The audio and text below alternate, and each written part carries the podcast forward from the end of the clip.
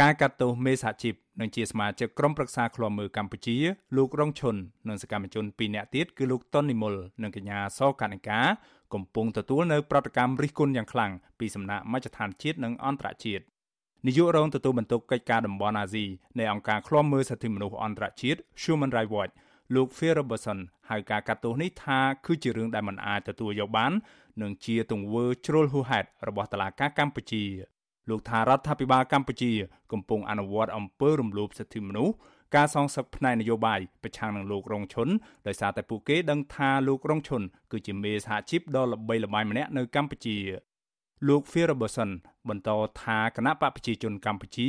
មានចេតនាចង់បញ្ឈប់សកម្មភាពរបស់លោករងឈុននៅមុនរដូវកាលបោះឆ្នោតមកដល់ដូច្នេះហើយទើបរដ្ឋាភិបាល បានរៀបចំបទចោទបែបប្រឌិតទាំងនេះប្រឆាំងនឹងលោករងឈុននិងចាប់ខ្លួនលោកដាក់គុក មន្ត្រីជំនាញសិទ្ធិមនុស្សអន្តរជាតិរូបនេះលើកឡើងថាសំណុំរឿងទាំងមូលនៃករណីលោករងឈុននេះមានចរិតនយោបាយនិងជាការប្រមាថជាក់ស្ដែងដល់សេរីភាពនៃការបញ្ចេញមតិនិងសេរីភាពនៃការជួបប្រជុំនៅកម្ពុជារីឯករណីសកម្មជន2នាក់ផ្សេងទៀតគឺលោកតុននិមលនិងកញ្ញាសកនិកាវិញ លោក Ferguson ថាការកាត់ទោសពួកគេដ៏ធ្ងន់ធ្ងរបែបនេះត្រូវបានធ្វើឡើងដើម្បីបំផិតបំភ័យនិងបំបិតមាត់សកម្មជនដទៃទៀតដែលហ៊ាននិយាយរិះគន់និងរៀបចំការតវ៉ានានាដើម្បីទាមទារឲ្យដោះលែងលោករងឈុននិងសកម្មជនដទៃទៀតទន្ទឹមនឹងនេះលោក Ferguson លើកឡើងថាការដែលតឡាការកម្ពុជា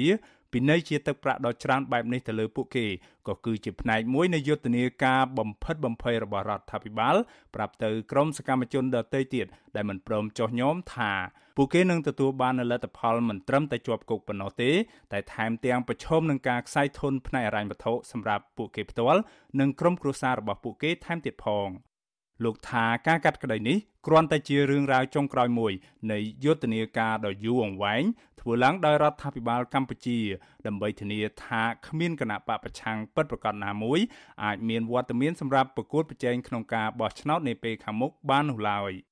ក្រៅពីបានថ្កោលទោសទៅលើការកាត់ក្តីលើលោករងឈុននិងសកម្មជន2នាក់នេះនាយករងទទួលបន្ទុកកិច្ចការតំបន់អាស៊ីនៃអង្គការឃ្លាំមើលសិទ្ធិមនុស្សអន្តរជាតិ Human Rights Watch លោក Phil Robertson ក៏បានអំពាវនាវដល់ប្រទេសម្ចាស់ជំនួយអន្តរជាតិនានា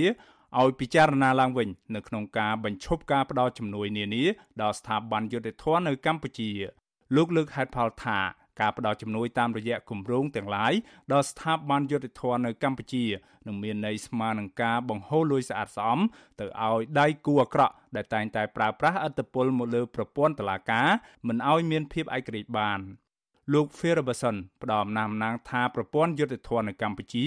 ចាំបាច់ត្រូវតែធ្វើកំណែទម្រង់ឲ្យបានពិតប្រាកដនិងស៊ីជម្រៅមួយ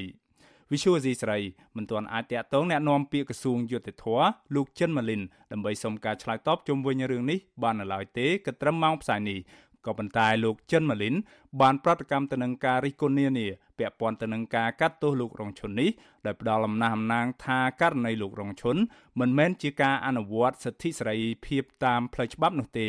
ក៏ប៉ុន្តែសមត្ថកិច្ចមានមូលដ្ឋានផ្លូវច្បាប់រឹងមាំនៅក្នុងដំណើរការនីតិវិធីតាមផ្លូវតុលាការ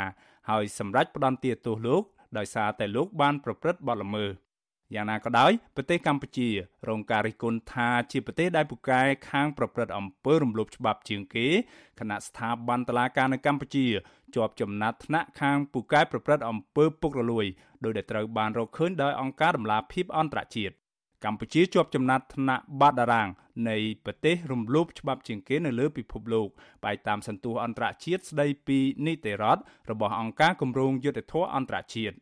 ក្រៅពីការអំពាវនាវឲ្យប្រទេសម្ចាស់ជំនួយពិចារណាបញ្ឈប់ផ្ដល់ជំនួយដល់ស្ថាប័នយុត្តិធម៌នៅកម្ពុជានាយករងទទួលបន្ទុកកិច្ចការតំបន់អាស៊ីនៃអង្គការឃ្លាំមើលសិទ្ធិមនុស្សអន្តរជាតិ Human Rights Watch លោក Phil Robertson ក៏បានជំរុញដល់ក្រមប្រទេសប្រជាធិបតេយ្យឲ្យប្រើប្រាស់ឱកាសនៃទិវាខួបលើកទី30ឆ្នាំនៃកិច្ចព្រមព្រៀងសន្តិភាពក្រុងប៉ារី ថ្ងៃទី23ដុល្លារនៃពេលខាងមុខនេះ ធ្វើជាការបដិញ្ញាចិត្តឲ្យបានកាន់តែរឹងមាំថែមទៀតនៅក្នុងការដាក់ទណ្ឌកម្មប្រឆាំងនឹងក្រុមមេដឹកនាំនៅកម្ពុជា លោកថាអស់រយៈពេលជាយូរហើយដែលសហរដ្ឋអាមេរិកនិងក្រុមប្រទេសនិយមប្រជាធិបតេយ្យដទៃទៀតដូចជានៅទ្វីបអឺរ៉ុបនិងអាមេរិកខាងជើងនៅមិនទាន់បានដាក់ទណ្ឌកម្មសេដ្ឋកិច្ចជាក់លាក់ប្រឆាំងនឹងក្រុមមន្ត្រីនយោបាយមន្ត្រីយោធានិងមន្ត្រីនគរបាលនៅកម្ពុជា ដែលបានពាក់ព័ន្ធនឹងអំពើរំលោភសិទ្ធិមនុស្សជាប្រព័ន្ធប្រឆាំងនឹងពលរដ្ឋកម្ពុជាខ្លួនឯងដែលបានប្រព្រឹត្តនៅអំពើនីតិរដ្ឋភាព និងអំពើលួចលុយជាតិនិងធនធានធម្មជាតិដើម្បីភៀសមានបានពីអំពើពុករលួយរបស់ពួកគេខ្ញុំបាទមេរិត Visual C ស្រីរាយការណ៍ពីរដ្ឋធានី Washington